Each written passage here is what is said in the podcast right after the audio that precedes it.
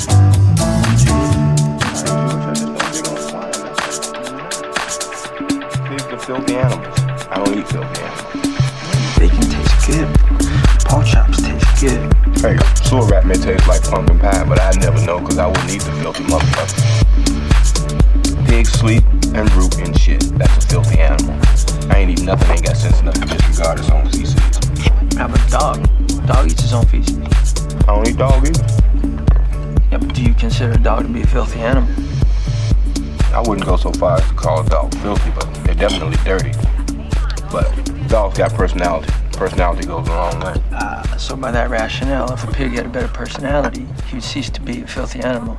Is that true? Well, we have to be talking about one charming motherfucking pig. I mean, he had to be ten times more charming than that Arnold on Green Acres. You know what I'm saying? I love you, honey